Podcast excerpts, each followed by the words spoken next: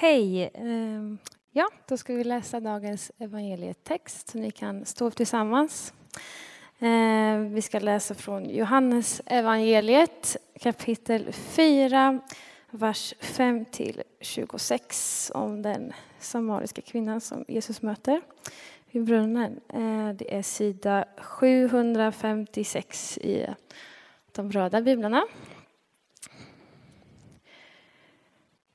Han kom där till en stad som hette Sykar, inte långt, långt från den mark som Jakob gav sin son Josef. Där fanns Jakobs källa. Jesus, som var trött efter vandringen, satte sig ner vid källan. Det var mitt på dagen. En samarisk kvinna kom för att hämta vatten. Jesus sade till henne, ge mig något att dricka. Lärjungarna hade nämligen gått bort till staden för att köpa mat. Samariskan sade, hur kan du som är jude be mig om vatten? Jag är ju en samarisk kvinna.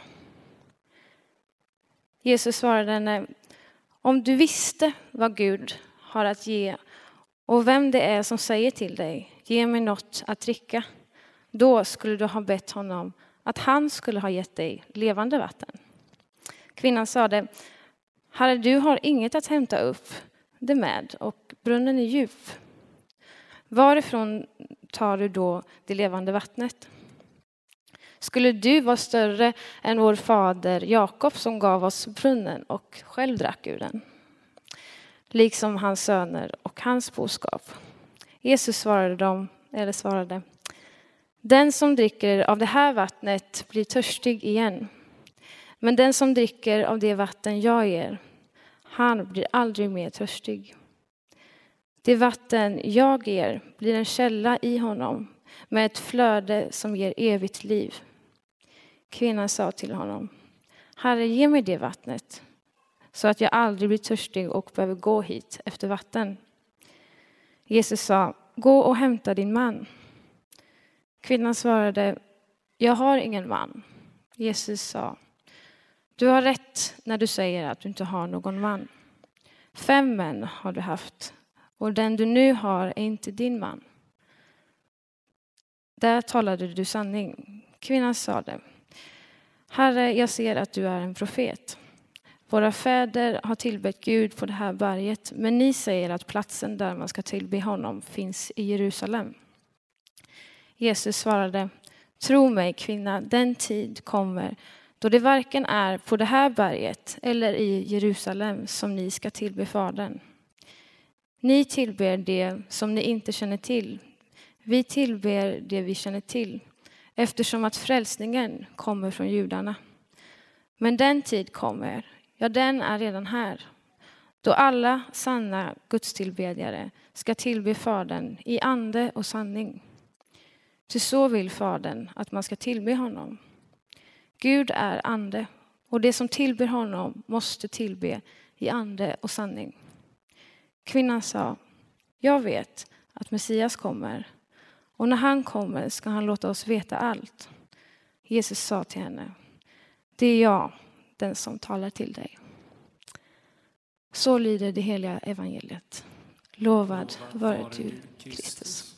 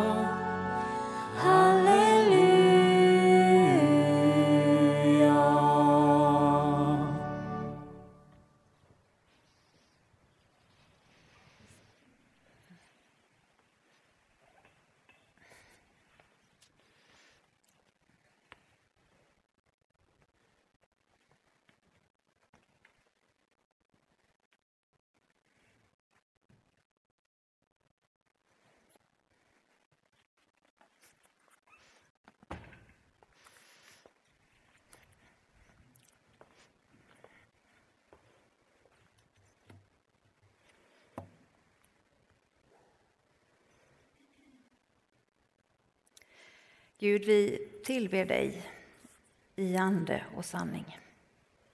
Dig som har uppenbarat din härlighet. Öppna våra ögon och våra hjärtan när vi möter dig och när vi hör ditt ord och i dina gärningar ser din kärlek.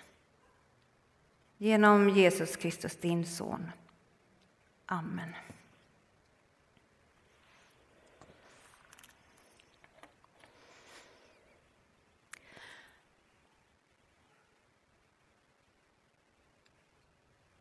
Under mina studier till präst så valde jag att fokusera på bibelvetenskap. Bibelstudier är roligt. Och jag kände att en av sakerna som förväntas av mig som präst det är att jag har läst mycket om Bibeln. Jag tyckte att det var så roligt så att jag till och med läste Bibeln både på grekiska och hebreiska. Och jag minns en dag när jag satt vid mitt skrivbord. Och min ena dotter som nu är snart 20, hon stod vid skrivbordet och hon var så liten då att hon var precis i ögonhöjd med skrivbordsskivan. Och där låg en av tegelstenarna, litteraturen som jag hade. Och så sa hon Måste du läsa hela den boken innan du får bli präst? Så tänkte jag, tur att hon inte såg de andra boktravarna som låg där. Ja, jag måste läsa några sådana böcker till innan jag får bli präst. Men det var ändå roligt, för att hon tyckte att det var spännande också och lärde sig grekiska alfabetet redan som liten. Så hon kan nog redan nu få säga vilken som kommer att bli nästa variant på covid. Jag har, får ju frågan ibland om jag då har läst hela Bibeln. Har du läst hela Bibeln på hebreiska och hela Bibeln på grekiska? Nej, det har jag inte. För i den sortens bibelstudier så går man ju in på att läsa nyckeltexter. Och nyckeltexter är ju sådana som, som ger nycklar och som kan öppna upp lite grann när man vrider om de där nycklarna. Till exempel kan det vara nycklar till en tradition, den tradition som Jesus levde i. Det kan vara språkliga nycklar, att ett ord inte bara har en betydelse på vårt språk. I hebreiskan är det ofta så att ett ord kan översättas med ett helt fält av ord som tillhör samma semantiska område. Och så finns det teologiska nycklar. Nycklar som hjälper oss att förstå olika skeenden. Som hjälper oss att eh, öppna upp det som, som frälsningens evangelium handlar om. Och som blir det som hjälper oss vidare i att förstå det som är tanken om Guds förbund. Jag tycker det var väldigt, väldigt fascinerande och roligt att få läsa Bibeln på det sättet under mina studier. Väldigt intressant och det är någonting som ger näring. Och det ger mig fortfarande näring. För det är ju så att också Bibeln är en källa som vi kan återvända till. Och den näringen jag får av de här nycklarna eller nyckeltexterna, det är nya vyer som öppnas upp. Och de nya vyerna får jag om och om igen. Ni vet när man tittar på en text som man har läst förut och så upptäcker man nya saker. Men den här berättelsen om mötet vid Sykars brunn, den är en text som har många nycklar. Jättemånga. Och man hinner inte med alla dem på en gudstjänst. Men det finns en del språkliga nycklar som jag har funderat på. Till exempel när han pratar med kvinnan där Jesus och säger han hämta din man. Ja, vad är den språkliga betydelsen av det här ordet som här är översatt man? Det kan vara herre eller det kan vara den man bor hos eller arbetar hos eller så. Det finns symboliska nycklar. Vad är en brunn symbol för? Vad är en källa egentligen bilden för? Och den teologiska nyckeln, livets källa. Tack och lov så har vi en källa som vi får återvända till om och om igen. Och vi kanske känner ett behov, en törst, en längtan att återvända till källan. Eller att regelbundet gå till källan och fylla på. Eller när det verkligen behövs, när det verkligen är kris. När, som, som vi sa förut, allting är annorlunda och osäkert men vi vet var vi har vår källa. Då är det fantastiskt att man kommer dit och Jesus är redan där. För i det här mötet vid Sykarsbrunn så är ju Jesus redan där när kvinnan kommer till det här mötet. Och det är någonting som jag har upplevt i, i många möten, många händelser och som blir särskilt påtagligt när man kanske inte är riktigt säker på vad som väntar en eller vad som kommer att hända. Ehm, till exempel om jag ska gå hem till en familj som jag aldrig har träffat förut och inte vet vad som möter mig där. Så kan jag ju uppleva att jag är inte först på plats. Jesus var redan där. Men om ni tänker er bilden av källan, den här brunnen som vi kan se framför oss. Så kan du kanske känna hur det känns när man är på väg dit. Du går dit. Det, du är törstig, det är kanske är lång väg att gå, det kanske är, är torrt och varmt. Så det finns något som driver oss dit och en längtan som får oss att fortsätta hela vägen fram. Bara det är en symbol och en bild som vi kan känna igen. Men om man tänker sig sen att man kommer fram till den där källan och det som händer då.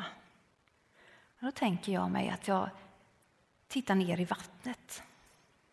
Och vad händer när vi tittar ner i vattnet? Man ser ju inte allt. Men man anar ett djup. Och på vattenytan ser man en reflektion. Man kanske ser sig själv. Och i en tid där man inte hade speglar överallt så som vi har så kanske det var en av de få gångerna där man mötte sitt eget ansikte. Men så är det också så att när man tittar ner i vattenkällan så ser man mer. Man ser också hela himlen. Tänk dig att du böjer dig ner och tittar ner i brunnen och i, i vattenytan så återspeglas både du själv och himlen ovanför dig.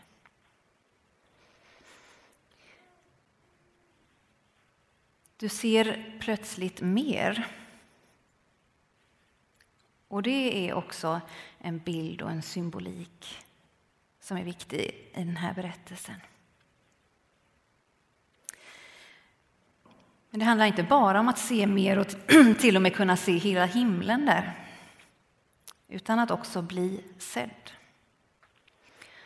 Och i det här mötet så blir kvinnan sedd av Jesus. Sedd av den som ser bortom, den som ser på djupet och den som alltid ser mer. Sen är det ju intressant, själva samtalet och hur det förs. Hur replikerna går fram och tillbaka. Där eh, där han lite grann eh, kanske provocerar henne och hämtar vatten åt mig och lite så. Men i en vilja till ett äkta möte. Och hon, hon ifrågasätter honom. Skulle du be mig om att hämta vatten? Och hon ifrågasätter honom också. Du har ju inte ens något att hämta upp vattnet med. Och han säger att eh, ja, det vattnet som jag kan ge, det är ju ett annat vatten. Och hon vågar ifrågasätta honom och det tror jag inte man gör om man inte känner att det är ett gott möte. Hon säger, skulle du vara större än vår fader Jakob som gav oss brunnen och som till och med själv drack ur den? Och så svarar han om att det vattnet som jag ger, det släcker den riktiga törsten.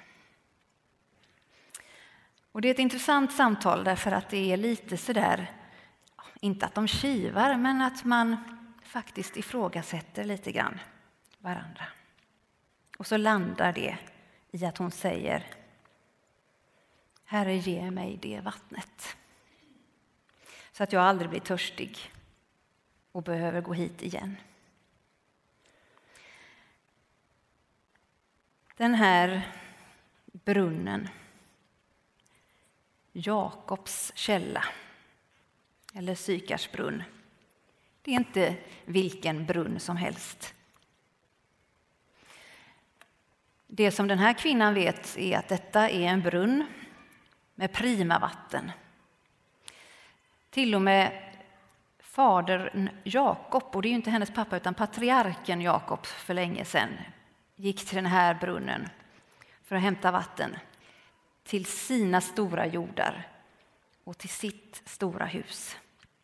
Så då vet man ju att det är en källa där det finns så att det räcker åt alla.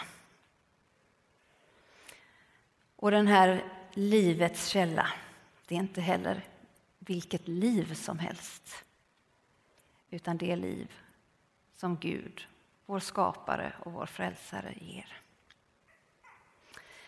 Prima vatten, det vet hon att det finns där.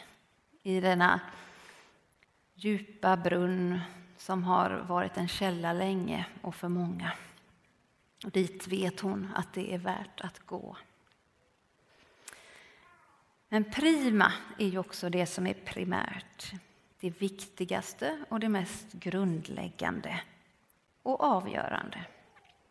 Det som är avgörande för livet så som det ska bli för den fortsatta vägen. Och där går det att ösa. Där finns det för alla som vill. Det finns inget prov att avlägga först eller ett krav att uppfylla. Utan av det här livets vatten ur livets källa. Där får man bara ta emot. Hon skulle ju bara hämta vatten. Men hon är öppen för det hon har hört talas om. Hon vet att det är en speciell källa. Och hon har hört talas om en Messias som ska komma. Så hon är öppen för mer än de flesta, skulle jag tro. Men hon ser inte, för hon vet inte vad det är hon ska få se just den dagen. Men i mötet, i det som sker där mellan henne och Jesus så öppnas hennes ögon. Han gör Guds kärlek synlig i sin kärlek. Guds barmhärtighet blir synlig i Sonens barmhärtighet. Guds förbund blir synligt i det nya förbundet. Guds nåd blir konkret i Frälsarens nåd. Och i mötet med Guds Messias, som hon har hört talas om, får hon ta emot mer än det hon sökte. Och precis som vi gör när vi går till källan, när vi återvänder till livets källa, så får vi ta emot ny kraft, nytt mod, nytt hopp och nytt liv. Du och jag, om och om igen, i varje möte med Guds kärlek och nåd. I livets källa som flödar och fyller alla och en var. Och idag är vårt nattvardsbord en sådan källa att samlas kring, att få återvända till och få ta emot. I Jesu Kristi namn. Amen.